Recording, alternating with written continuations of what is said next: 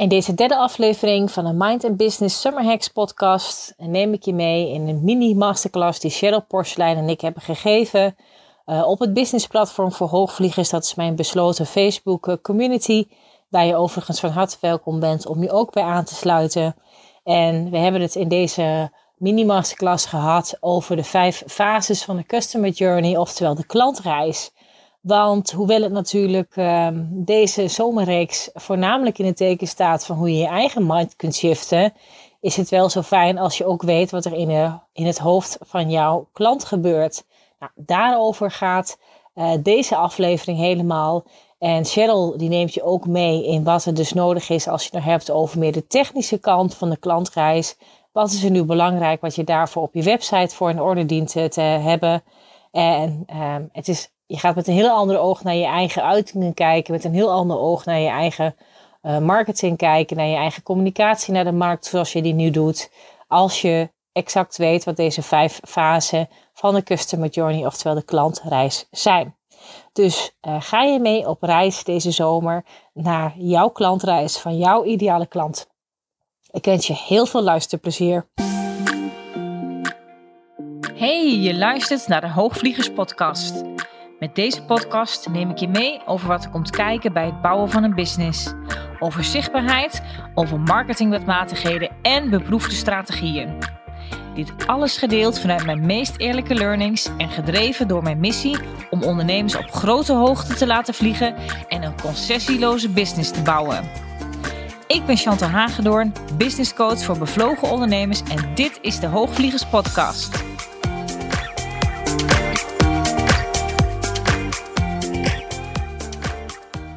Nou ja, vandaag zitten we hier samen een keer. Ja, nou, leuk toch? Dus ik heb op een andere manier. Ja. Um, nou, wat is nu uh, de customer journey of de, of de klantreis? Hè? Het is misschien een term waar je wel eens uh, over hebt gehoord. Uh, in marketingland is het een veelgehoorde term die vaak voorbij komt. En het is eigenlijk de route die je uitzet of de route die je uitstippelt. En waar je dus ook zeg maar ja, beïnvloeding, beïnvloeding op kunt toepassen. Om te zorgen zeg maar dat een klant zeg maar ja, bewust wordt gemaakt van dat jij er bent en zo een klantreis mag doorlopen om uiteindelijk bijvoorbeeld klant bij je te worden. En ergens op die route kan je klant dus zeg maar aanhaken en ook misschien soms weer afhaken. Dus en, en, en dat is ook goed als dat soms gebeurt. Maar daarover vertel ik later nog wel iets meer.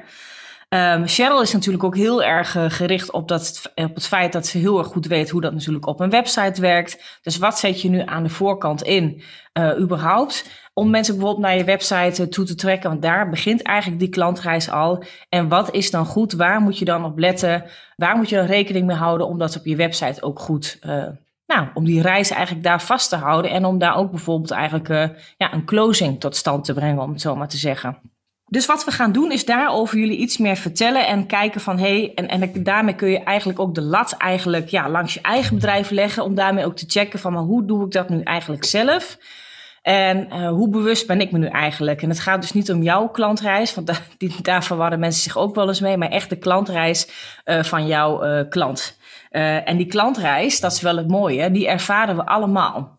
Ook al denk je misschien soms hè, dat je niet dat je zelf hebt gekozen voor bijvoorbeeld iets of voor een bepaald product. En ja, daar kies je ook uiteindelijk wel zelf voor. Maar er zitten altijd een aantal stappen vooraf, die vaak eigenlijk al onbewust natuurlijk gebeuren. En dat is ook goed hoor, dat die onbewust gebeuren. Maar die dus wel van daaruit uiteindelijk dat je kunt zeggen, ja, dan maak ik ergens misschien een bewuste keuze. Maar die beïnvloeding is natuurlijk al lang al vooraf gebeurd. Um, dat we allemaal die klantreis ervaren. En ja, dat, we allemaal inderdaad die klantreis uh, ervaren, inderdaad. Um, en er zijn ook een aantal fases daarin die eigenlijk wel van belang zijn. En het is denk ik heel goed om dit principe uh, in een klantreis te ervaren. Of überhaupt eigenlijk als je marketing uh, toepast. Oh ja, dat is wat ik inderdaad zei. Want we vinden ons allemaal hè, vaak dat ons eigen product of dienst natuurlijk supergoed is. Daar sta je helemaal achter. Je vindt gewoon dat jouw klant Hè, of dat jouw potentiële klant dat eigenlijk uh, gewoon zou moeten kopen bij je, niet waar? En, en dat is ook heel goed. Maar als je dus zeg maar een aantal stappen vooraf daarin mist, en wel een aantal cruciale stappen in mijn beleving, dan zul je zien dat je daarmee jouw product of het aanbod dat je doet eigenlijk ja, uh, misschien dat je het soms wel voorkomen dat er eigenlijk nog geen gretig aftrek is. En het is omdat je vaak een aantal stappen daarvoor gewoon mist. Of misschien niet helemaal goed uitvoert, of ze bijvoorbeeld half uitvoert. Waardoor uh, jouw klant eigenlijk nog niet op dat punt is gekomen. Waardoor er eigenlijk een echte koopbereidheid is. Die stappen wil ik je heel even mee doorheen nemen. Dat zijn uh, de vijf fases die een klant eigenlijk doorloopt voordat hij überhaupt uh, uh, bijvoorbeeld een handtekening ergens onder zet. En uh, de eerste fase is dat je klant zich eigenlijk nog niet bewust is van het probleem. Dus um, jij weet misschien wel heel erg goed wat het probleem is van je klant. Um, en ook daar zie ik het wel eens misgaan. Want op het moment dat jij eigenlijk al zelf niet goed weet wie nou echt jouw ideale klant is, en wat het uh, probleem van jouw klant is, waar de pijn zit van jouw uh, klant en waar het verlangen zit. En wat uiteindelijk de oplossing of het resultaat is van het product of dienst dat je biedt. Als je dat dan niet goed weet te benoemen, dan kan je vervolgens ook niet zo goed marketing daarop uitvoeren. Um, het gat wat eigenlijk zit hè, tussen het probleem van je klant en de pijn die dat doet en het verlangen, daartussen zit een gat. Dat los jij op met jouw product of dienst. En dat is heel goed in de basis om te, om te snappen hoe het werkt. Uh, dus ken alsjeblieft heel goed je ideale klant. Heel vaak hoor ik toch nog als mensen bij mij komen en ik vraag ze uit over een ideale klant. Zie ik toch dat daar best wel vaak nog, ja, dat het, eh, dat het haast een hele bevolkingsgroep is. is nog veel te breed. En dan denk je misschien dat je al behoorlijk stevig hebt gekozen, maar dan is dat in de basis toch nog niet zo heel erg sterk. Um, de eerste fase die namelijk je klant daarin doorloopt om zich überhaupt zeg maar bewust te worden van het probleem, het probleem waar jij dus je klant van afhelpt, is dat, dat jouw klant zich nog niet bewust is van dit probleem. Stel zeg maar je, je, je hebt eigenlijk, uh, um, bijvoorbeeld je, je bent een softwarebedrijf, om, om even een voorbeeld te geven, um, en jouw softwarebedrijf automatiseert bijvoorbeeld de administratie en, um, en, en dankzij jouw uh, software tool die jij hebt ontwikkeld, kan het veel efficiënter, veel goedkoper. Het levert tijdsbesteding op en het is echt, is echt een supergoeie tool. Weet je, jij staat er helemaal achter. Je kan eigenlijk niet begrijpen waarom niemand dit nog koopt bij je. Um, maar je klant die vindt misschien eigenlijk wel dat het misschien wel goed gaat, hè, zoals het gaat. En um, er is misschien uh, iemand uh, die al heel lang de administratie voor diegene doet. Uh, dat gaat eigenlijk perfect. Diegene weet eigenlijk alles van de hoed en de rand binnen je bedrijf. En eigenlijk loopt het allemaal heel gesmeerd. Dus ja, het werkt eigenlijk toch prima zo handmatig. Dus waarom heb jij die tool bijvoorbeeld eigenlijk überhaupt nodig? Dus jouw klant daarin, stel als jij degene bent die die tool verkoopt, die ziet helemaal nog niet in dat je dus zeg maar die, uh, dat je dus dat probleem uh, hebt.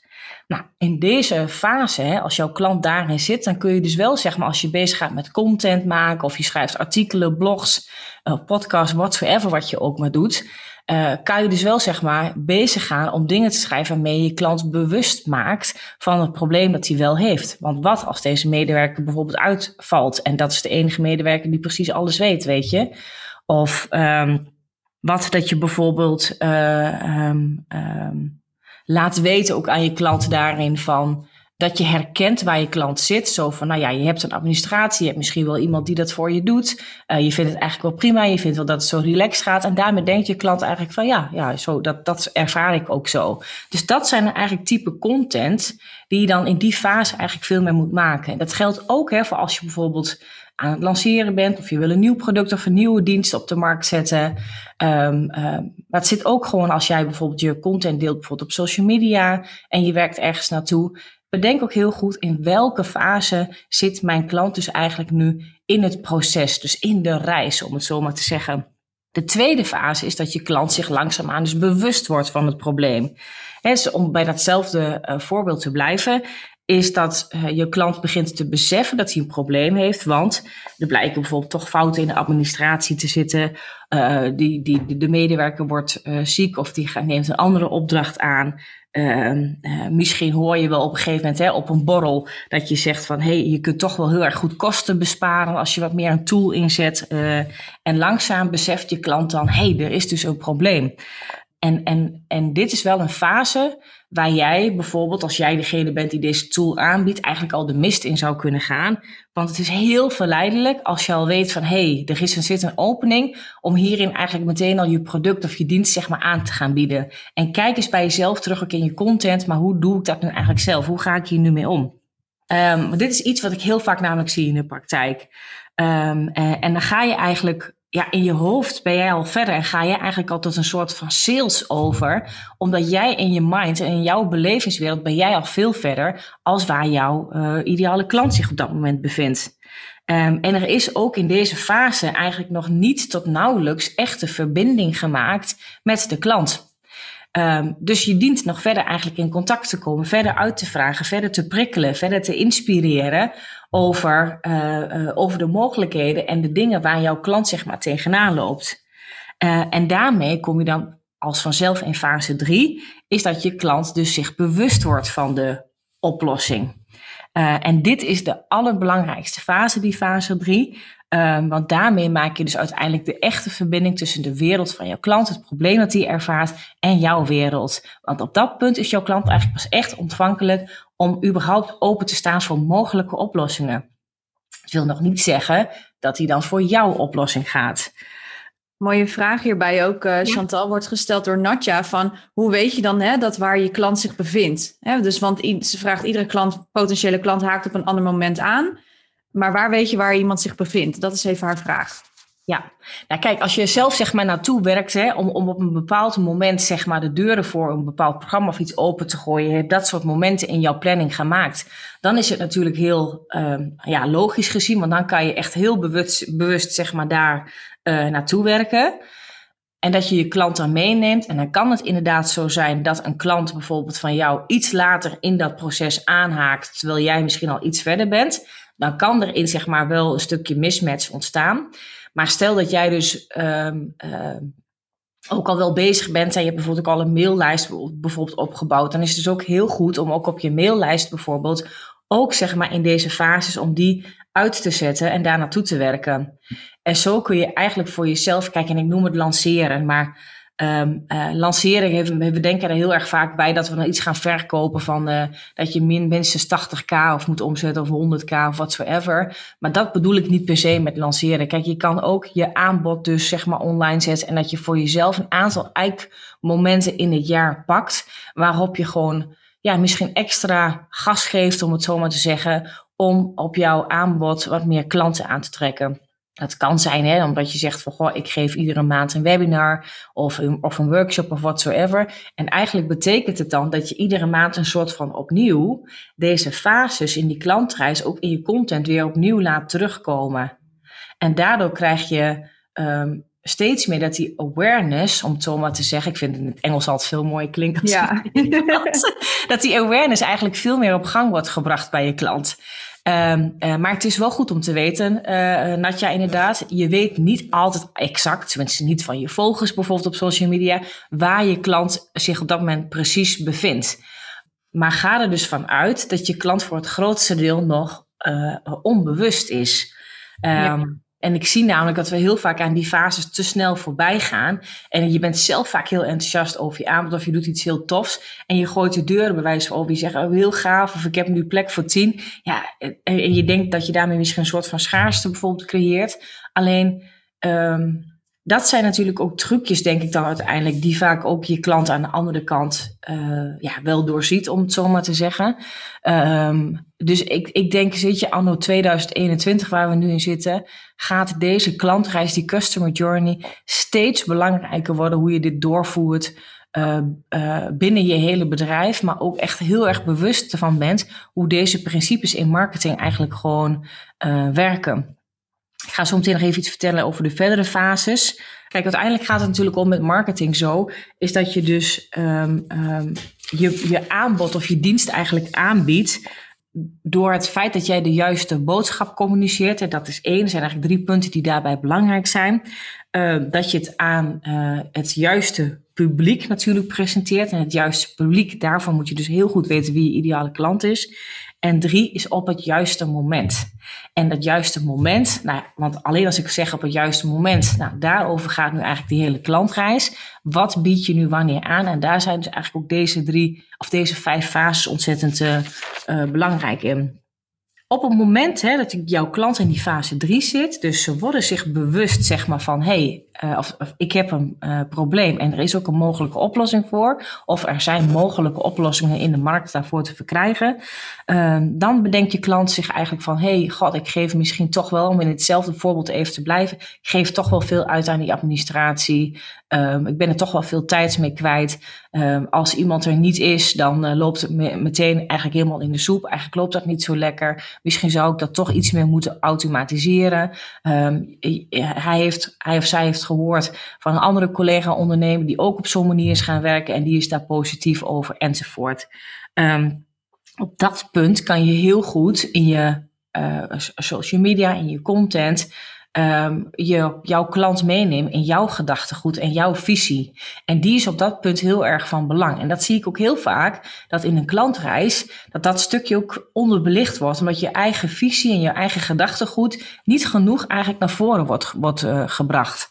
En um, dus het is heel belangrijk dat je wel jezelf, uh, jouw visie wel zodanig neerzet. En dat mag soms best een schurende boodschap zijn, denk ik. Dat je echt wel mag laten zien, maar waar sta ik dan voor? En wat is nou mijn uh, unieke uh, verhaal, een oplossing binnen deze verschillende oplossingen waar mijn klant eigenlijk uit zou kunnen kiezen. En wat maakt nu dat ik hier zo ontzettend voor sta? En dat is ontzettend belangrijk dat je dat eigenlijk over de bühne weet te brengen. Gewoon zoals jij bent en gewoon met je eigen woorden.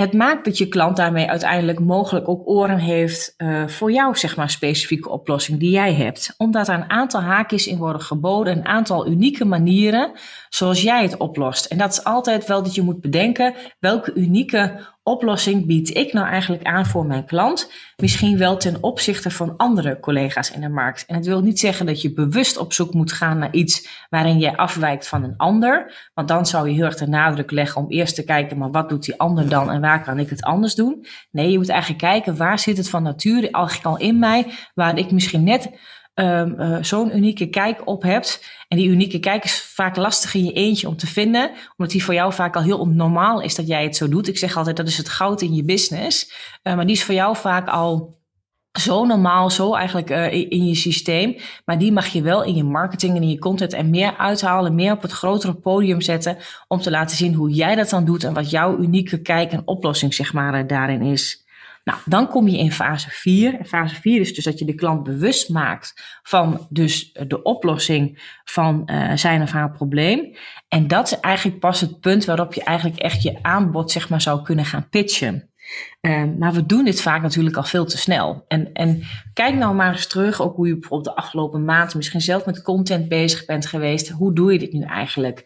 En misschien maak je ook wel heel erg losse fladders uh, content en dat je heel erg deelt vanuit het moment. En op zich is dat niet, vind ik dat niet zo erg, zolang je maar wel beseft, zeg maar, als jij zeg maar wel bezig bent om klanten aan te trekken, waar jouw klant dan in die reis zich ongeveer bevindt.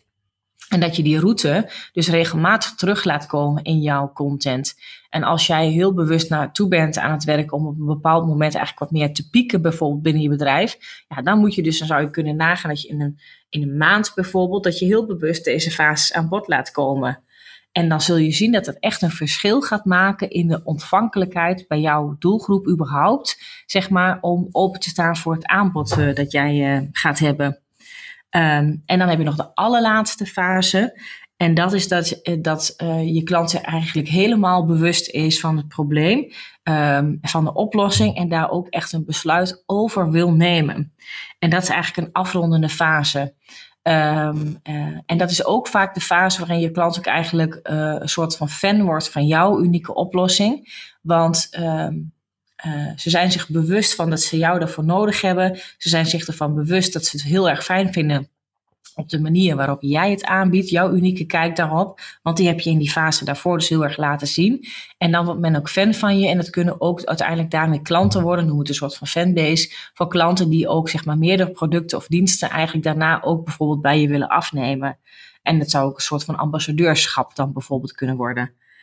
Weet je, ik zie zo vaak dat de ondernemers eigenlijk veel te snel hun product of dienst gaan promoten, maar ze dus eigenlijk geen kennis hebben van deze vijf uh, fases. En uh, ik kan hier nog veel meer over vertellen. Ik heb een aantal dingen, eh, steekwoorden voor mezelf uitgeschreven. Um, um, maar het is ook goed, denk ik, om even Cheryl aan het woord te laten over het feit van hoe, hoe gaat dit dan bijvoorbeeld op je website. Want weet je, op het moment dat je, maar dit is dus in je content in je artikelen. Maar eigenlijk kun je deze vijf fases ook leggen op het feit dat je, uh, stel dat je in een verkoopgesprek zit met een klant of iemand, een kennismakingsgesprek, hoe je het ook maar wilt noemen. Ik bedoel, sommige mensen schrikken überhaupt soms zoals ik het heb over het woord verkoopgesprek. Maar goed, als jij een kennismakingsgesprek met iemand, dan kan daar een verkoop uitkomen. Dus ik noem dat dan een verkoopgesprek. Um, uh, ook in dat gesprek bijvoorbeeld uh, komen ook, ook eigenlijk deze vijf fases aan bod. Als jij een webinar geeft, komen ook deze vijf fases aan bod. En jullie hebben misschien allemaal wel eens gehoord van de uh, no, like, uh, trust, taste en buy fase. Dat is eigenlijk een soort van trechter waar klanten doorheen gaan. Daar gaat mijn, mijn e-book bijvoorbeeld ook over, die je gratis kunt downloaden op mijn website. En dit klantreisverhaal heeft daar wel een beetje mee te maken. Alleen deze fases gaan, die ik net heb verteld, gaan echt heel erg over de bewustwording, over de awareness bij je klant. Maar kijk, met content maken is het gewoon zo dat, je, dat mensen je eerst moeten leren kennen. Uh, ze moeten je ergens leuk beginnen te vinden. Dat is die like-fase. Als ze je al niet leuk gaan vinden, ja, dan haakt men ook af. Dat is ook prima, weet je, want dan moeten ze gewoon bij iemand anders zijn. Uh, en dan staat er ergens een basis van vertrouwen. En die basis van vertrouwen, die ontstaat dus vaak pas heel erg als je het hebt over die awareness-fase in die fase 3 en fase 4. En dan is men, staat men ervoor open om verder met jou bijvoorbeeld te, te praten, uh, om verder te horen van hé, hey, wat is eigenlijk mogelijke oplossing? En dan staat er taste, die noem ik er vaak bij, die wordt niet altijd overal genoemd. En die taste, die staat voor mij heel erg voor kennismakingsmomenten, kleine stukjes die men eigenlijk bij je mag proberen, bij je mag proeven, uh, gratis of tegen een laagdrempelig geprijsd uh, tarief. Om, om met jou kennis te mogen maken. En dat taste-stuk vind ik wel heel erg belangrijk, want je moet wel voldoende kennismakingsmomenten uh, creëren voor jouw potentiële klant, voor jouw ideale klant, om überhaupt eigenlijk vaak tot een buy en tot een sale eigenlijk over te gaan. En voor mij is daarmee ook die klantreis heel erg, je helpt er je klant heel erg mee en je helpt er, zelf je, je helpt er jezelf mee om goed in business te zijn. Dat waren wel de belangrijkste dingen zeg maar, over die topics die ik graag wilde delen. Ik weet niet of hier nog vragen over zijn, Cheryl. Ja, Anita had nog een vraag van herkenbaar wel dat je het merkt dat uh, iets aanvullend of helpend kan zijn, wat ik dan kan aanbieden, maar daarna de stappen. Niet te veel, niet te snel, maar hoe wel. En Anna die had ook zoiets van ja, dat wil ik ook wel graag weten. Dus ik denk dat het hier een beetje gaat om van oké, we, we zijn in die awareness en dan. Hè? Dus ja, Kijk, en dat is natuurlijk ook heel erg mooi. Want als men in die awareness komt. Kijk, ik zie ook heel vaak, en dat is wel uh, ook in het, in het straatje van Cheryl dan hiermee, is heel vaak. Ik vergelijk het altijd met bijvoorbeeld als jij door een, uh, door een winkelstraat loopt. En stel je hebt een fysieke winkel. dan word je aangetrokken, dan moet je zelf ook zien, door bijvoorbeeld een leuke gedecoreerde etalage. en dan wordt iets, trekt jouw aandacht daar. Uh, en soms ben je al die etalage al voorbij. En dan gebeurt er toch nog iets in je brein. Denk, hé, hey, loop toch even een paar meter terug. Dat, ik zag daar toch iets leuks, even nog iets beter kijken. En ah ja, pling. Ik ga toch hier even naar binnen en ik ga de deur open doen om naar binnen te gaan.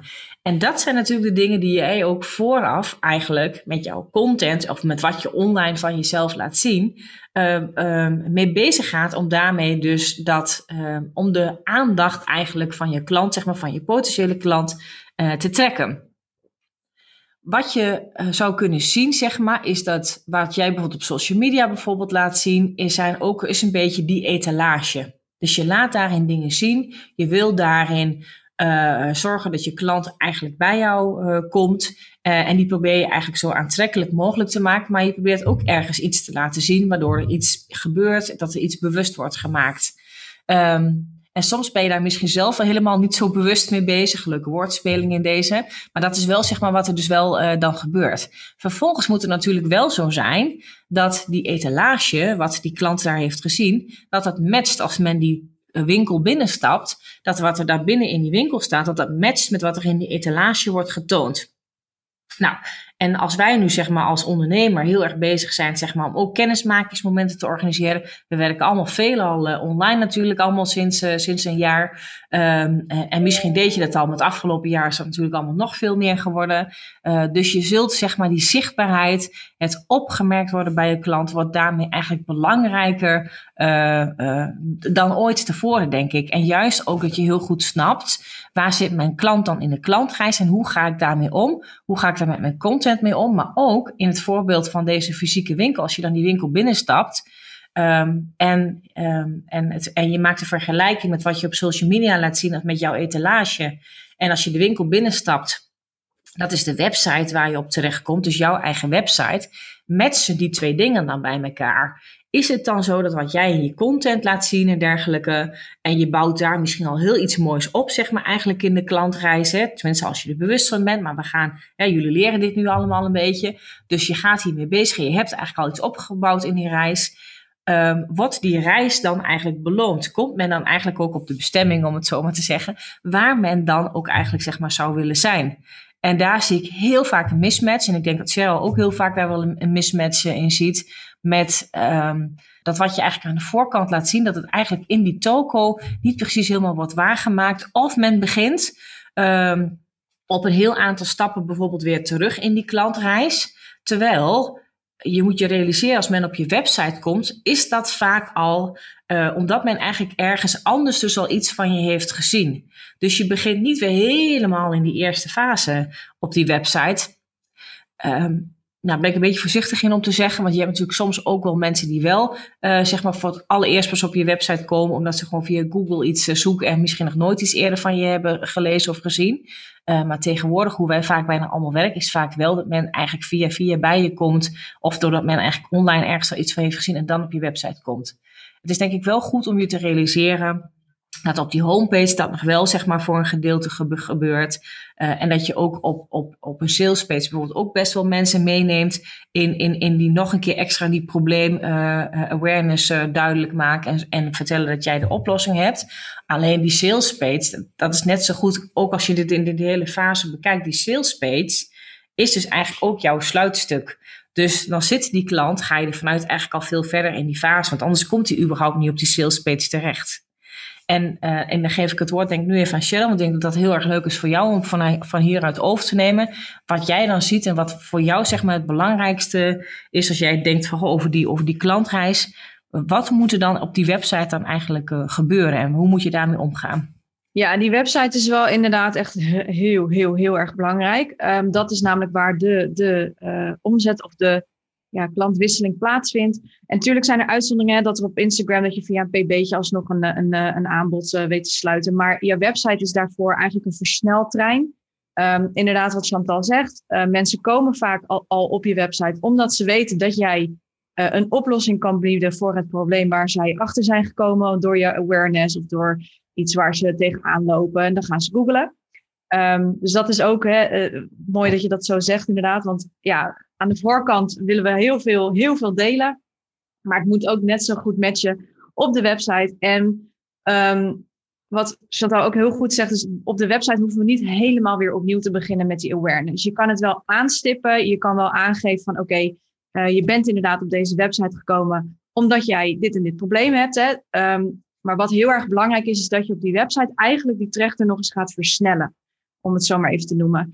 En wat ik daarmee bedoel is, we willen heel graag op de website van alles proppen. We willen zoveel mogelijk, en vooral die homepages, die worden volgepropt met allerlei dingen om er maar voor te zorgen dat mensen uh, misschien bij jou gaan kopen.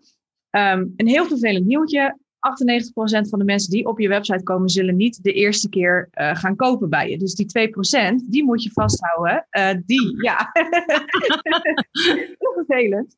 Dus daarom is het des te belangrijker dat als men op jouw website komt en je hebt inderdaad zoveel aanbod, is het tijd om te gaan ja, optimaliseren en om te gaan kijken van hoe kun je die trechter die we hebben, die awareness, hoe kunnen we die doorzetten naar die, die taste en buy uiteindelijk. Hè? Want we hebben de no like trust, doen we vaak met social media, met blogs of met video's of whatsoever. Maar op de website is het echt het versnellen van die taste en die buy fases. Um, dus het is ook heel belangrijk dat je op je website echt gaat bepalen wat is er nodig op dat moment waar je die mensen naartoe wil hebben. Um, we noemen dat heel mooi een flow. Uh, dit is eigenlijk de customer journey, maar dan van je website. Um, jij kan op je website, waar je volledige controle over hebt, en dat heb je met social media bijvoorbeeld niet, heb jij de volledige controle over waar jij wil dat jouw bezoeker heen gaat. Dus als jij zegt, nou, ik wil heel graag mijn e-maillijst opbouwen, dan moet je ervoor zorgen dat men wordt getrechterd naar die e-maillijst. Als jij een webinar inschrijving, naar het webinar. En ga zo maar verder. Um, dus jij bepaalt op die website, oké, waar wil ik mijn klant in deze fase die die persoon nu heeft? Welk probleem heeft hij? Oké, die heeft dit probleem. welke oplossing past daar goed bij? En dan ga je die mensen er echt doorheen begeleiden. Je neemt ze ook aan de hand mee in die website om vervolgens te kunnen ja, op de uh, sales page of op je productaanbod te kunnen komen. En vanuit daar kunnen ze dan overgaan tot, uh, tot een aankoop. Of je kunt zeggen, nee, ik doe toch liever eerst een gratis intakegesprek. Dan kun je het nog eens een keer versnellen. Um, want met verkoopgesprekken, zoals ze dat dan mooi noemen, kun je ook nog eens extra versnellen, omdat mensen dan ook meteen kennis met je maken. Dus je, ken, je hebt daar zowel de, de trust, taste en buy fases in. Maar je website is daar echt een heel goed medium voor om mensen te begeleiden naar dat wat jij wil. Dus als jij wil om mensen intakegesprekken, zoals ik op mijn website heb te laten doen, dan zal ik niet ineens uh, mijn aanbod op de voorpagina zetten, omdat ik wil dat mensen met mij in gesprek gaan. Wat ik ook heel erg veel zie, is dat we heel veel op de homepage willen proppen. We hebben heel veel aanbod tegenwoordig. Um, we hebben ontzettend veel leuke dingen die we willen delen. We kunnen ook tegenwoordig van alles. We hebben allerlei opleidingen gedaan, of niet, of cursussen, of coachtrajecten, of whatever.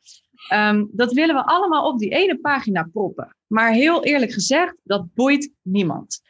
Um, vind ik altijd heel vervelend om te zeggen, want het interesseert gewoon niemand wat jij in de tussentijd allemaal hebt gedaan. Het gaat erom welke oplossing kun jij die mensen bieden. Dus het gaat er dus om dat je al eigenlijk, hè, want jullie hebben, uh, of tenminste, we, uh, de mensen die bij Chantal zitten, die hebben een opdracht gekregen om de website uh, te laten feedback opgeven. Dat in de eerste tien seconden dat men moet weten wat jij doet, voor wie je er bent en hoe je iemands leven beter maakt.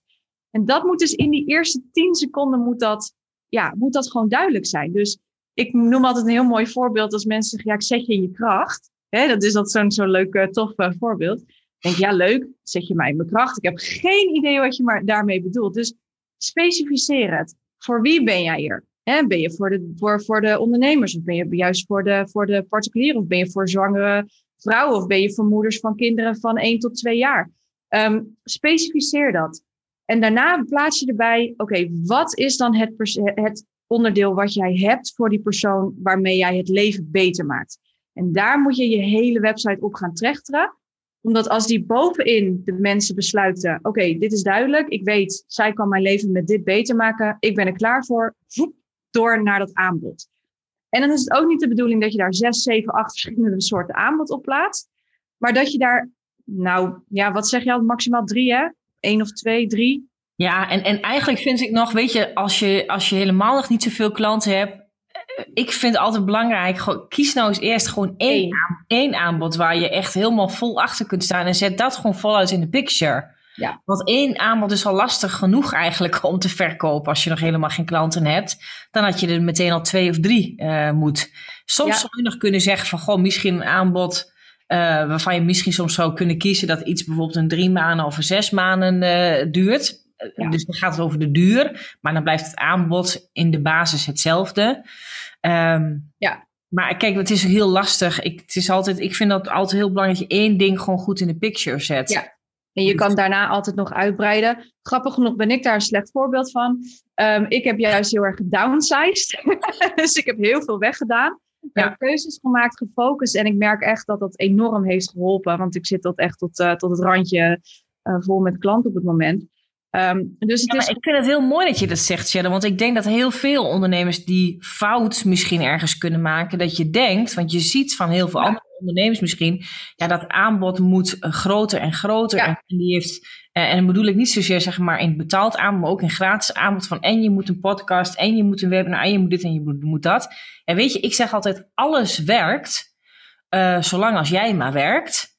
En dat gaat gewoon makkelijker als je heel duidelijk kiest voor die dingen die zeg maar voor jou werken en waar jij ook gewoon ontzettend fun uh, vindt om te doen. En ga dat dan gewoon vol in de markt zetten. En het kan zijn dat jij bijvoorbeeld alleen al door een podcast te hebben, dat je daaruit al genoeg klanten haalt. Het kan zijn als jij zegt, ja, maar ik zet vol in op webinars, dat jij gewoon puur enkel omdat je dat webinar helemaal goed tot in finesse gaat uh, uh, krijgen, dat je daarmee voldoende klanten uithaalt. Ja. Ehm, ja, dus, dus je moet heel specifiek ook kijken, wat is mijn medium? Wat vind ik gewoon fijn, zeg maar, om iets te doen om klanten aan te trekken. En ga dat gewoon elke, keer, elke keer opnieuw herhalen. Want dan word je dus ook knettergoed in. Ja, en het heeft natuurlijk ook een stukje te maken, hè, wat jij ook zei van, ken je ideale klant goed?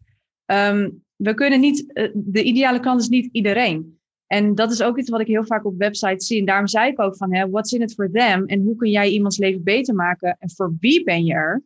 Ehm, Marie Forleo die zegt altijd, if you're talking to everybody, you're talking to nobody. Dus eigenlijk, hè, als je tot iedereen praat, dan praat je eigenlijk tegen niemand.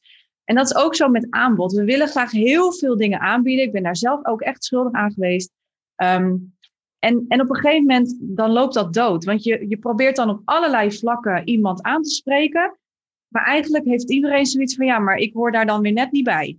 Ja. Um, dus is het heel belangrijk dat je die website echt goed in gaat richten op dat doel. Uh, goed in gaat richten op je ideale klant. En vanuit daar gaat trechteren naar die trust, taste en like, of uh, buy basis. Ja. Um, ik zie ook nog een aantal ja. vragen, want Natja die zegt ook, hè, daarom vraag ik me ook steeds af, hè, in het schrijven van mijn pagina's van de website, zijn de teksten dan, dan al niet al snel heel erg te lang en is daar ook een richtlijn voor? Nou, ik heb daar wel, wel iets op te zeggen, maar ik denk jij ook wel. Ja, nou ja, ik vind het gewoon heel erg belangrijk dat je voor jezelf echt gaat bepalen wat is het allerbelangrijkste dat men in ieder geval moet weten. Um, Kijk, we, dat zie ik ook heel vaak. We, praten heel graag over onszelf. Vinden we hartstikke leuk, hè? Wat we allemaal bereikt hebben, wat we allemaal kunnen, welke, welke uh, diploma's en alles we hebben. Um, wat ik net al zei, dat, dat boeit eigenlijk niemand. Het gaat er echt om dat jij kunt vertellen hoe die, die, dat probleem waar die klant bij jou mee komt, hoe die opgelost kan worden. En ja, dat jij toevallig een keer uh, een cursus daarin hebt gedaan, dat, dat interesseert niemand. Dus dus hou dat uh, vooral in je achterhoofd van, uh, oké, deze persoon, kies ook één persoon tegen wie je praat. Um, en ga daar naartoe schrijven. Wat zou jij vertellen aan die persoon over hetgeen wat jij, dat probleem wat jij zou kunnen oplossen? Ja, en ik denk ook dat je vooral ook wel moet laten weten. Want dat vind ik wel een van de belangrijkste. Want iedere pagina heeft een doel op zich hè, op je website. Dat is ook goed om te weten. Je hebt een doel voor je website in algemene zin. Wat moet die website voor je doen? Heel veel ondernemers bepalen dat doel eigenlijk aan de voorkant al niet eens. Nee. Het is ook nog zo dat iedere pagina op zich een doel heeft. Ja. Um, ik vind het ook belangrijk hè, op die homepage dat het er voelt als een soort van thuiskomen. Dat je denkt van net als dat je die winkel in zou stappen, met het voorbeeld van net. Van hé, hey, ik, ik, uh, ja, dat, dit is inderdaad wat ik ook verwachtte om binnen te komen op basis van wat ik in de etalage heb gezien. En dan moet je denken, oh, dat voelt als een warm bad. Ja, dit is mijn winkel, ik voel me helemaal thuis. Oh, enthousiaste, lieve verkoopster staat daar. Uh, leuk, die maakt gezellig een praatje. Ik voel me hier welkom. En dat is eigenlijk Um, uh, en ik ben nieuwsgierig naar meer. En dat is eigenlijk zeg maar wat ook je homepage zou moeten uitstralen. Um, um, ik denk wel, als je het hebt over die tekst en op die vraag van Natja nog even door te gaan, uh, dat het op die homepage, er hoeven niet per se ellenlange teksten te staan. En nee. ik denk dat het belangrijk is dat je daar zeg maar korte stukjes tekst, maar wel duidelijk maakt van, nou, voor wie ben ik er, wat kun je bij me halen, wat is het resultaat. En, uh, en dat je duidelijk uh, weet en daar een route hebt ingesteld naar welke pagina's men dan moet gaan uh, als men dus daarover iets meer wil lezen of wil vinden. en waar jij natuurlijk ook vooral wil dat die klant dan naartoe gaat. Ja. Um, op je sales page, want dat vind ik wel een mooie, want ik ben juist wel van de langere teksten op een sales page. Um, maar er zit wel een, een verschil in, op welke momenten jij die sales page bij iemand zeg maar laat zien. Dus um, om een voorbeeld namelijk te geven, kijk, als mensen gewoon überhaupt op je website komen, dan moet daar gewoon een salespage staan met een aanbod. Want heel vaak zie ik namelijk dat die salespages in mijn beleving veel te sumier zijn. Er staat veel te weinig tekst omheen, waardoor men wel het aanbod doet en dat staat er wel heel duidelijk. En soms ook nog wel wat de resultaten zijn. Maar het gevoel van wat jij laat zien dat jij jouw klant begrijpt, dat je snapt waar de pijn over gaat bij je klant, waar het verlangen over gaat. Daar moet ook een heel stuk tekst over gaan. En dat stuk, ja, dat vind ik juist een van de belangrijkste dingen in het aanbod. Dus eigenlijk het psych psychologische verhaal erachter, vind ik vaak veel te sumier aan bod komen. Um, dan kun je het nog hebben over hè, op welke uh, momenten moet er natuurlijk allemaal een koopknop uh, staan. Ook allemaal ontzettend belangrijk. Maar je kunt ook bedenken, hey, als ik op social media al iets heb opgebouwd en ik laat mensen van daaruit rechtstreeks, of als je bijvoorbeeld adverteert, naar een webinar bijvoorbeeld gaan. En een mens schrijft zich in voor het webinar. Dan komt mensen eigenlijk helemaal niet ja, alleen op de inschrijfpagina van je webinar uh, terecht op je website. Maar dan ziet men geen andere pagina's op je website. En dan verdwijnt men ook weer van je website. En dan gaat men gewoon dat webinar bijvoorbeeld bij je volgen. En dan doe jij in dat webinar een aanbod. Nou, en jij stelde dat een aanbod is die jij ook wel op je website hebt staan. Dus op die betreffende sales page. Stel dat is jouw programma. Je hebt één enkel programma die je bijvoorbeeld verkoopt. Alleen, dan hoef je, als jij dat aanbod al helemaal tijdens dat webinar vertelt, dan vind ik het dus niet zo logisch om ze dan bijvoorbeeld naar die hele lange sales page te verwijzen. Want jij hebt dan eigenlijk dat allemaal al verteld in dat aanbod. Dus wat je dan gewoon zou kunnen doen, dus dan moet je heel erg goed nadenken over op welk moment doe ik dan aan wie mijn aanbod en wat heb ik dan daarvoor al met iemand opgebouwd. Dan is het handig om ze vandaar alleen nog maar of naar een hele verkorte sales page te laten gaan, met alleen nog enkele key of highlights van hey, dit is waar mijn aanbod over gaat, dit zijn mijn resultaten en ja, ik doe mee. Of bijvoorbeeld rechtstreeks al bijvoorbeeld naar je checkout pagina of naar je betaalomgeving waar men jouw product of dienst bijvoorbeeld kan kopen. En, en, want dan zou een hele lange tekst soms eerder afbreuk doen. Ja. Dus dat is zeg maar wel goed om je te realiseren, wat bied ik wanneer aan? Ja, dus dat is wel zeg maar van belang zeg maar, om je te realiseren van wat doe ik dan uh, wanneer. En heel simpel hè, voor de mensen die nu denken van, oh my god, hoe doe ik dat? Je kan eigenlijk gewoon letterlijk een, webs, een webpagina, dus een, een pagina binnen je website extra aanmaken, die je bijvoorbeeld gewoon webinar aanbod noemt of iets dergelijks. Dan laat je die grote salespage laat je gewoon op je website staan. Dan kan iedereen op elk gewenst moment nog steeds dat lezen uh, wat jij natuurlijk te bieden hebt. En uh, in je webinar doe je dan de verkorte versie. En dan versnel je ook weer dat, ja, dan hoeven ze niet nog eens een keer helemaal er doorheen. Uh, want je hebt dat toch al in je webinar aangegeven. Dus dan maak je gewoon echt een losse pagina met daarop gewoon woep, hup, die trechter en, en de koopknop. Ja, heel simpel. Hou het simpel. Um, heeft ook nog een vraag. Ik geef momenteel webinars voor mijn nieuwe online programma en draai daar advertenties voor. Ik zit heel erg te twijfelen wat beter is. Vanuit de advertentie laten gaan naar de webinar Key inschrijfpagina of een eigen inschrijfpagina creëren op mijn website. Wat is een fijnere klantreis? Ja, een fijnere klantreis, maar ook vooral wat is een slimmere klant, klantreis? Um, ik zou je adviseren bij je eigen inschrijfpagina op je website, dat je daar een inschrijfpagina van maakt. Daarop kun je wel bijvoorbeeld via Webinar Geek dat inschrijfformuliertje van Webinar Geek embedden zoals dat zo mooi hoort. Dus in, in jouw insluiten, inschrijfpagina insluiten.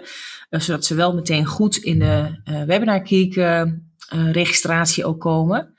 Kijk, wat natuurlijk slim is, als jij al advertenties draait, uh, om als men natuurlijk op jouw eigen website komt, en je hebt de Facebook pixel geïnstalleerd aan de achterkant van je website, ik neem aan dat je dat hebt gedaan, dan kun je namelijk ook, je kan ook gewoon gaan retargeten. Ja. Dus stel nou dat mensen al wel op jouw pagina zijn geweest, maar om wat voor reden zich er ook niet hebben ingeschreven, dan zou je een retargeting advertentie kunnen doen. En sowieso is het goed om traffic op je eigen website uh, te genereren. Dus het is altijd beter om het via je eigen website te laten doen. En misschien heeft Cheryl nog een aanvulling erop, maar...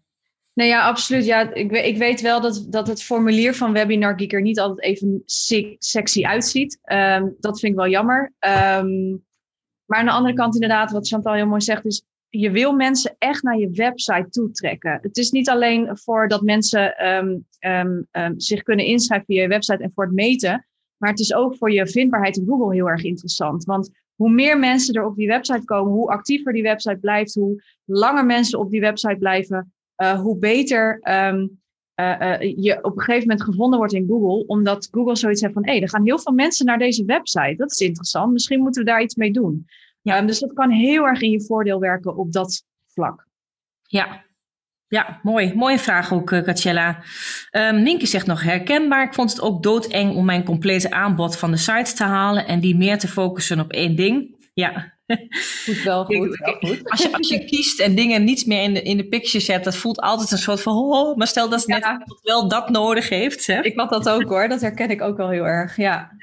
ja, um, uh, maar je maakt echt een veel duidelijke, duidelijke route voor je klant. En uh, ja het, wordt veel makkelijker om van daaruit ook gewoon, uh, dat klanten bij je aan mogen haken. Um, en, en ook die opmerking wat ze zegt, uh, mensen moeten overtuigen dat ik juist uh, geschoold ben. Um, dat doe je in een gesprek. En dat doe je in als je met die mensen aan het werk bent. ik heb ook allerlei diploma's en cursussen gedaan. En ik doe nog steeds cursussen voor, om, om, voor mijn webdesign, om, om goed op de hoogte te blijven. Maar het gaat er wel om mensen die die met mij in gesprek gaan, en dat klinkt misschien heel arrogant dat ik dat zeg, maar die hebben al vanaf het begin zoiets van, oh, zij weet echt waar ze het over heeft. Dus dat, dat op je website is daar eigenlijk ja, te weinig ruimte voor, wil ik niet zeggen, maar dat is niet de plek om dat te gaan plaatsen, omdat je liever dan met mensen in gesprek en kan laten horen of kan laten zien dat je inderdaad geschoold bent. Ja, en dan hebben we LinkedIn nog. En, en, en die laat je natuurlijk ook in die kennismakingsmomenten uh, zien. Dus, en, en, en, wat jij deelt in je content, daar zit ook, ik bedoel, je mag afwisselen hè, in je content. Het is goed om af te wisselen in in dat je waarde deelt. Dat je soms iets, iets, iets grappigs deelt. Of weet je, ik hou zelf ook wel van een beetje humor. Je mag soms gewoon heel erg je visie laten blijken. Of soms mag je ook wel ergens een beetje tegenaan schoppen. Dus daarmee kun je afwisselen. Binnen die fase van awareness kun je ook nog afwisselen in verschillende type content. Om het nog ingewikkelder te maken. Maar ja.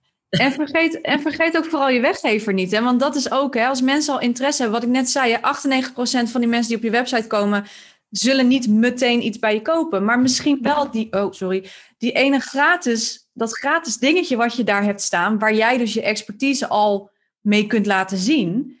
Daarin kun je laten zien al van, oké, ehm, ze weet waar ze het over heeft.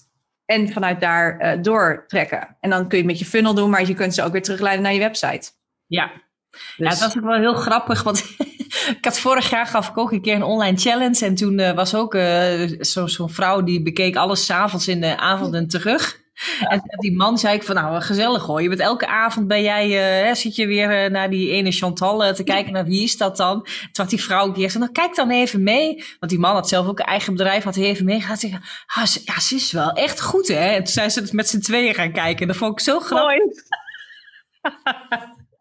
Weet je, en dat is wel, dat is ook gewoon wat er gebeurt hè, als je jezelf zeg maar wel gewoon laat zien. En, en ik, ik zeg altijd echt, ehm, als je niet genoeg in business bent, is het omdat je deze fases binnen de klantreis vaak nog niet helemaal goed voor jezelf hebt uitgestippeld, hebt neergezet op basis van jouw specifieke ideale klant natuurlijk. Dus dat is heel goed om daarnaar te kijken. En dat vervolgens langs je eigen dingen te leggen. En wat doe ik dan nu eigenlijk? Want het is goed hè, om soms dingen in het moment te kunnen delen, dat doe ik ook wel. Maar als het voor jou echt van belang is om op een bepaald moment een bepaald uh, aantal klanten bijvoorbeeld uh, naar je toe te trekken of een bepaalde omzet te genereren, dan is het heel vaak omdat je ergens, dat je vaak vanuit die fase drie of vier eigenlijk al aan het communiceren bent en de fases ervoor voor het gemak vergeet.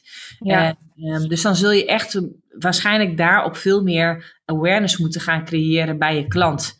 En uh, voor jou is het allemaal gesneden koek, maar jouw klant zit daar in het proces nog lang niet. Nee. En, en heel vaak is, is dat echt wel het, het, het punt waarop het dan misgaat. En uh, kijk, want die website vind ik één ding. Die weggever aanvragen vind ik ook één ding. En daarover kan ik ook de funnel die je erachter hebt staan, die gaat natuurlijk eigenlijk ook over een klantreis uh, op zich. En daar kan ik ook weer een heel presentatie over geven. Maar um, um, het, het, het, zijn deze principes die op zoveel aspecten in je business eigenlijk terugkomen. Dus als je dit, ja, je kan het misschien een soort van spelletje noemen, maar dat is het eigenlijk ook niet. Het is heel erg inzicht krijgen ook in het psychologische stuk van um, hoe wij ons de hele dag door eigenlijk van allerlei prikkels uh, op ons krijgen. En het wordt uitermate nog veel meer belangrijk in dit jaar en de komende jaren om hier echt heel goed het licht op te zetten en heel goed je content uh, neer te zetten waarop mensen dus mogen aanhaken. En dat, ja, daarmee moet je toch ook wel ja, uh, opvallen en opgemerkt worden.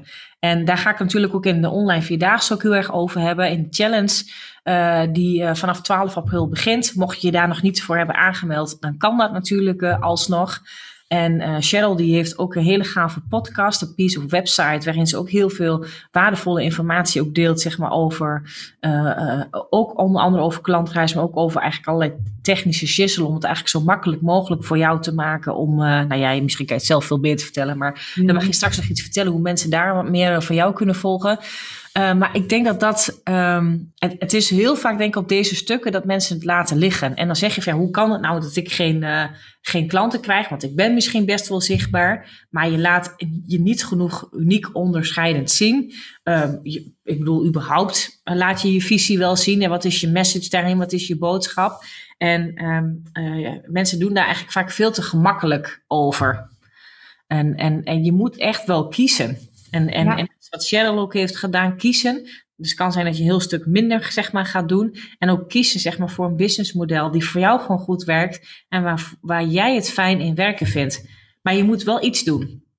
En er zijn heel veel dingen die werken. Ik zeg altijd, alles werkt, zolang jij werkt. Ja. Ehm, maar ook daarin mag je wel zeg maar kiezen en dat dan echt ten volle gaan doen. En soms gewoon eens iets meer je best erin doen om je daarmee, um, om daar, ja, hoe zal ik het zeggen, toch meesterschap in te krijgen. Ja, ja, een mooi voorbeeld daarvan. En uh, ik zag dat Nienke uh, er vandoor gaat, dus uh, doei Nienke. Ja. Um, maar een heel mooi voorbeeld daarvan is iemand die ik heel erg graag volg, is Stu McLaren. Dat is een Canadees. En Stu McLaren is echt een gebied, goal op het gebied van memberships. Dus dat zijn echt ja, platformen waar je een membership, zoals Netflix en dat soort gekke dingen.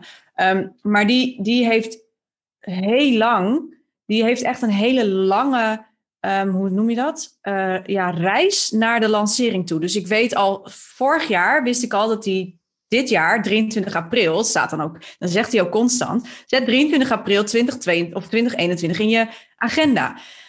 De reis daar naartoe, hij begint, als hij weet van oké, elk jaar doet hij op 23 april een hele grote lancering. Het is ook zijn enige aanbod wat hij doet. Ieder jaar weer. Dus één keer per jaar gaat die academy van hem open. En vanaf nou, ik denk ongeveer april, mei, juni, juli. Dan ligt het heel even stil. Maar vanaf augustus begint hij dus al helemaal met die awareness creëren. Dus hij begint ieder jaar, begint hij dus weer opnieuw. En bij de ene zal het sneller gaan als bij de andere. Ehm, maar hij heeft daar echt een hele reis voor neergezet. Maar echt zo'n funnel uh, of klantreis, hè, die uiteindelijk allemaal toegewerkt wordt naar dat ene datumpje, die 23 april. En ik vind dat hij dat zo verschrikkelijk mooi doet. En dat doet hij ook, wat jij heel mooi zegt, Chantal, met verschillende soorten content.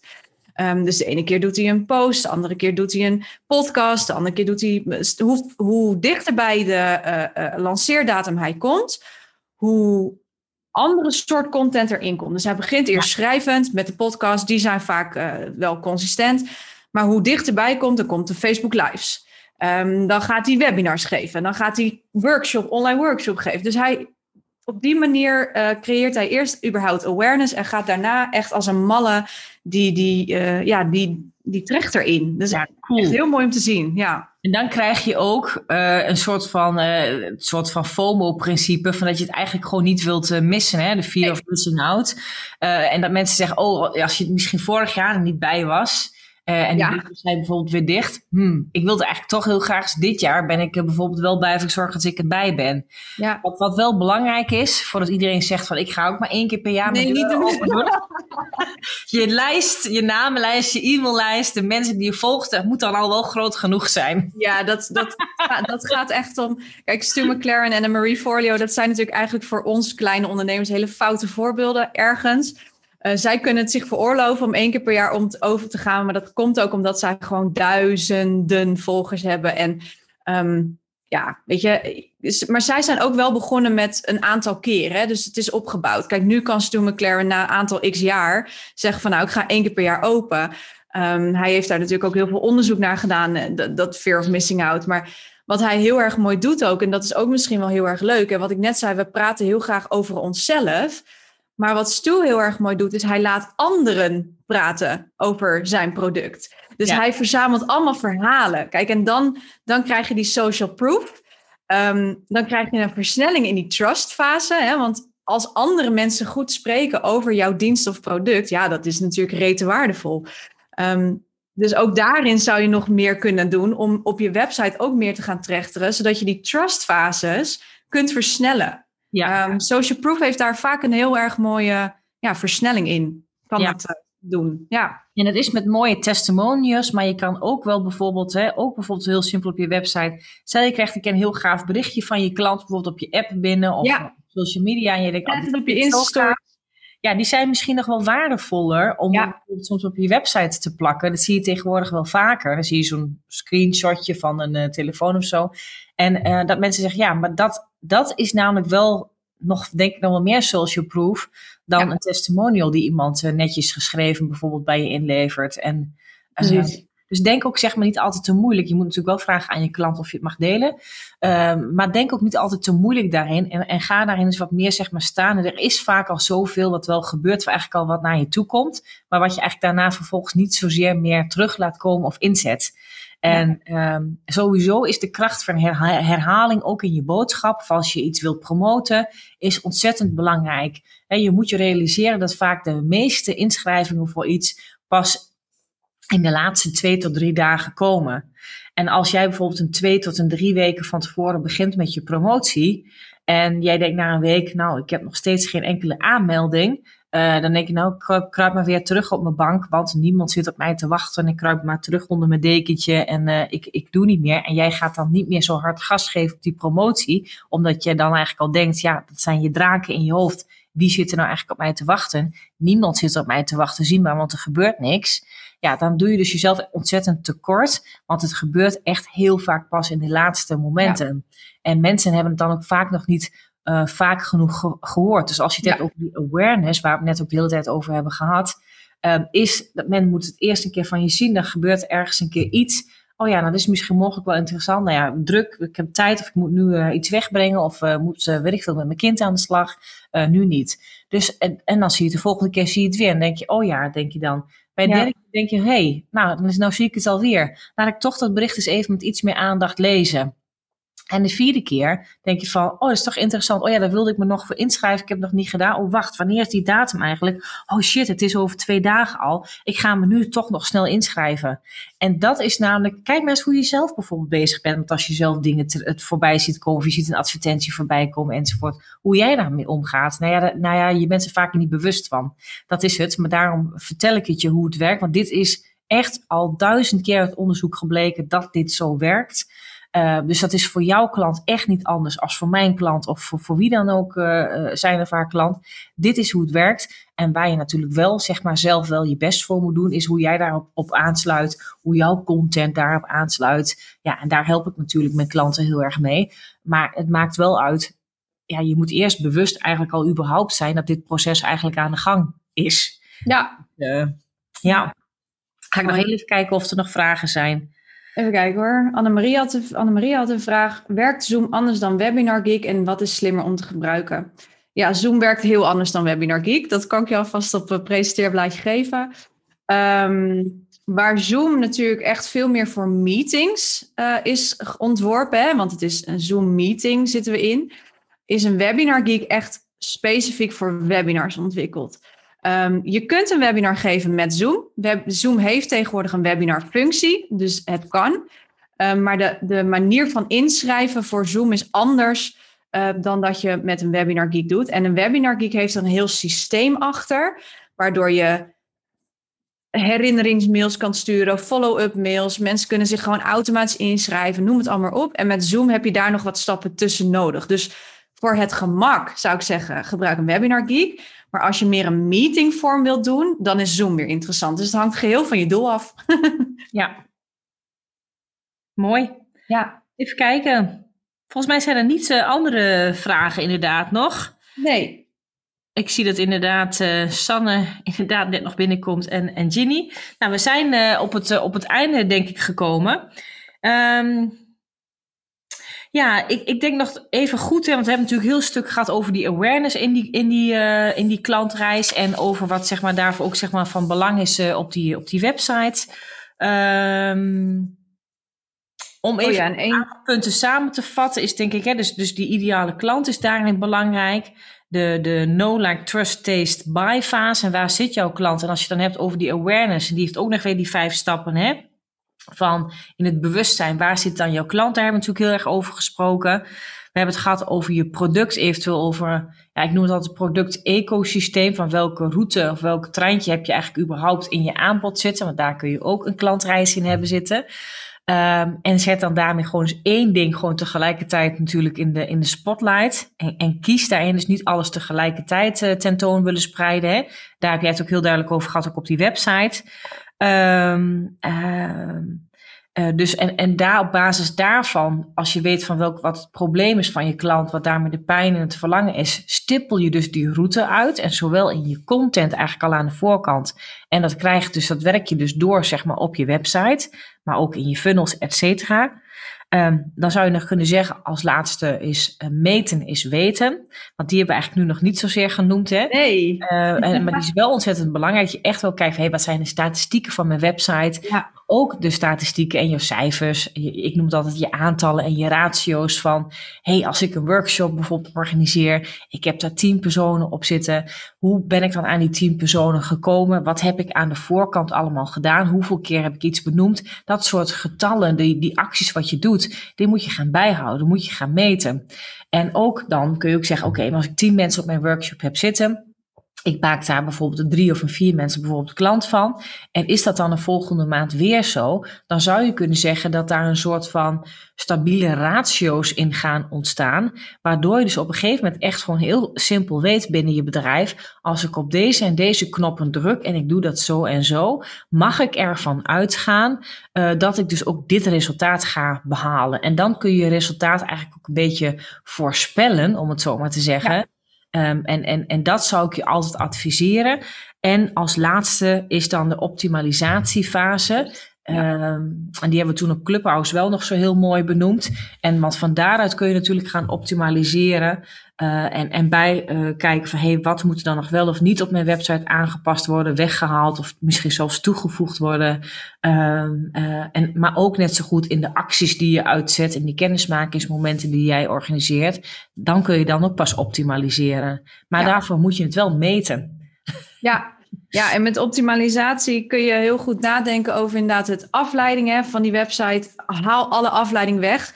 Wat ik heel vaak ook zie is dat we mensen terug willen leiden naar een Facebook. Volg mij hier op Facebook of volg mij op Instagram. Weghalen die rotzooi. Mensen zijn al bij jou geweest op die Instagram. Mensen zijn al geweest op jou op die Facebook. Dat is meestal tegenwoordig het eerste wat men checkt van je.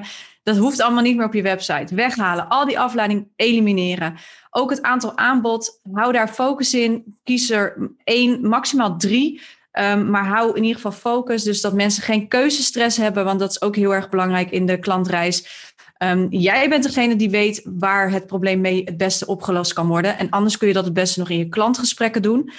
En wat ik ook heel erg nog belangrijk vind om te stellen, is die call to actions op je website. Um, hè, dus de, de, de actieknoppen. Die mogen best wel een beetje brutaal zijn. Ga alsjeblieft, hou het, hou het een. Uh, ja, zeg gewoon letterlijk wat iemand moet doen. Uh, we zijn als mensen gewoon heel erg lui. We willen graag gezegd worden, ook al zeggen we van ja, dat wil ik liever niet. Maar het is echt zo. We willen graag horen wat we moeten doen. Um, omdat we zelf niet hoeven na te denken dan over de vervolgstap.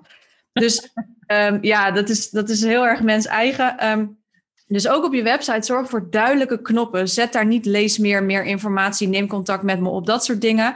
Zet daar echt zo, download nu, registreer hier, koop nu, meld je aan. Dat zijn allemaal uh, assertieve uh, manieren om iemand uh, te laten weten van wat is nu de next step en wat verwacht die persoon daarna ook te doen. Ja. Um, als ik natuurlijk een salespage, een hele mooie salespage heb geschreven en ik zeg daarbij voor meer informatie neem contact met mij op. Ja, ik heb dan zoiets van, ja, maar wat krijg ik dan nog allemaal? Zit ik dan ergens aan vast? Uh, dan, dan gaan we panieken, moeten we nadenken, dan haken we af. Dus hou daar ook even rekening mee dat je ook in je website met die klantreis dingen kunt optimaliseren door goede, duidelijke knoppen te gebruiken en ze echt over te laten gaan tot die actie die jij wilt dat men op je website gaat doen. Ja, super mooie toevoeging inderdaad nog. Hè? Jij zegt ja. ook wel eens, hè, want dan is zo'n zo'n knop kan bijvoorbeeld passief of, of, of zeg maar actief, actief. zijn. Ja. En, en, dat is heel goed, zeg maar, om daar inderdaad goed uh, uh, op te letten, inderdaad. Ja, ja. Even kijken, ik zie nog allemaal uh, ja. bedankjes van mensen. Nou, heel fijn, mooi dat we jullie hebben kunnen helpen. Dat het allemaal wat duidelijker voor je is geworden, hopelijk over die klantreis. Ja, en weet je, volgens mij kunnen we hier nog tot 12 uur over doorpraten. Ja, zeker, zeker. Ja, Natja, ik zag dat je gemaild had hoor, dus dat komt goed. Ja, ja, en binnen deze klantreistopics uh, kun je zo ja. bruggetjes maken naar andere topics die ook belangrijk zijn. Maar goed, laten we het hierbij houden. Meld je ook alsjeblieft aan voor mijn online vierdaagse De Kracht van Zichtbaarheid. Dan gaan we hier nog veel meer over doorpraten. Over allerlei dit soort uh, dingen. Ga ik je echt helpen om je boodschap sterker te krijgen. Om helder te krijgen. Oké, okay, maar wat moet jij dan nu specifiek doen? Zeg maar om meer in contact te komen met jouw potentiële klant. Uh, iedere dag is er van half tien tot half elf een masterclass. En op donderdagavond is er nog een afsluitende masterclass. Er zit een prachtig werkboek bij waar momenteel de laatste hand aan wordt gelegd. En uh, ja, ik vind challenges altijd super leuk om te doen. Zo'n online vierdaagse voor mij echt altijd een feestje.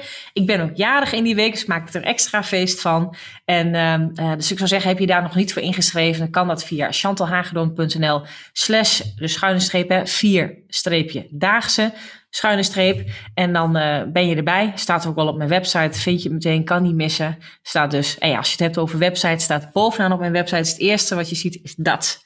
Dus heel goed, heel seconden regel. Hè? Ja, heel goed. Het eerste wat je ziet op de homepage, dat is het eerste wat je ziet. En het komt omdat dat voor mij, zeg maar, nu het belangrijkste is. Dat ik graag wil dat zoveel mogelijk mensen daaraan mee gaan doen. En, en Cheryl, misschien uh, kan jij nog even delen wat kunnen mensen bij jou uh, uh, nog volgen of aanvragen of doen momenteel? Ja, nou ja, um, ik heb een uh, podcast natuurlijk. Uh, die kun je vinden op www.apieceofwebsite.nl. En dat is met een knip ook naar pieceofcake. dus uh, in het Engels, dat grapje. Um, en anders kun je mij altijd googlen op Cheryl Porselein. Um, mijn, mijn bedrijfsnaam is C-Precision, maar dat is vaak lastig om te spellen voor heel veel mensen. dus google mij gewoon op Cheryl Porselein en dan krijg je in principe gewoon alles van mij te zien.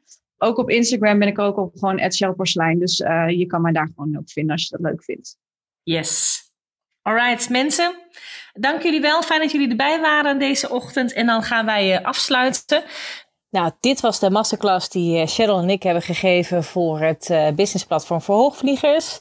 Het was daar toen een Zoom-meeting. en ehm, je kan hem ook nog steeds ook daar nog helemaal terugkijken. Mocht je dat leuk vinden, dan ben je dus bij deze ook van harte welkom op het businessplatform voor hoogvliegers om je daarbij aan te sluiten. Het is een groeiende community voor vrouwelijke ondernemers, voor bevlogen ondernemers die willen doorgroeien met hun business. En verschillende topics uh, behandel ik daar van tijd tot tijd en geef ik je inspiratie. En is het ook de plek waar jij natuurlijk kunt verbinden met andere leuke, toffe ondernemers. Mocht je nu geïnteresseerd zijn om, uh, om meer te weten over mijn uh, business traject, de vliegroute naar Next Level Ondernemerschap, ben je toe aan meer groeien met je bedrijf? Ben je toe aan eh, nieuwe inzichten? Wil je nu echt doorpakken met je business? En niet zozeer omdat dingen nu niet goed gaan, maar juist zeg om door te groeien naar next level met je business. Om juist een nog beter resultaat te halen, omdat je gewoon nog mooiere en betere dingen voor je ziet. En dan nodig ik je uit om van harte eh, in te stappen in mijn jaartraject. En nodig ik als eerste uit om met mij een match call in te plannen. En dit kan uh, via de link die ook hier in de begeleidende tekst staat. En je kan ook op mijn website kijken. Dan vind je ook de uitnodiging voor een, voor een matchcall. Als je kijkt op de pagina van de vliegroute de Next Level Ondernemerschap. Daar lees je ook alvast wat dingen over het programma. Dus je bent van harte welkom daar even een kijkje te nemen. En uh, dan hoop ik je heel graag te spreken. Dit was hem voor nu, lieve mensen. Ik wens je een onwijs mooie, fijne ochtend, middag of avond. Op welk moment jij dit ook maar afluistert. En eh, heel graag tot de volgende week. Dit was hem alweer voor nu. Dankjewel voor het luisteren naar de Hoogvliegers podcast. Heb je inzichten opgedaan naar aanleiding van deze podcast? Leuk als je het met me deelt of een reactie geeft via een Insta DM. Wil je meer weten over wat ik doe of hoe je met mij zou kunnen werken? Check dan mijn website www.chantalhagedoorn.nl. Houd je stippen op de horizon en heel graag tot de volgende aflevering.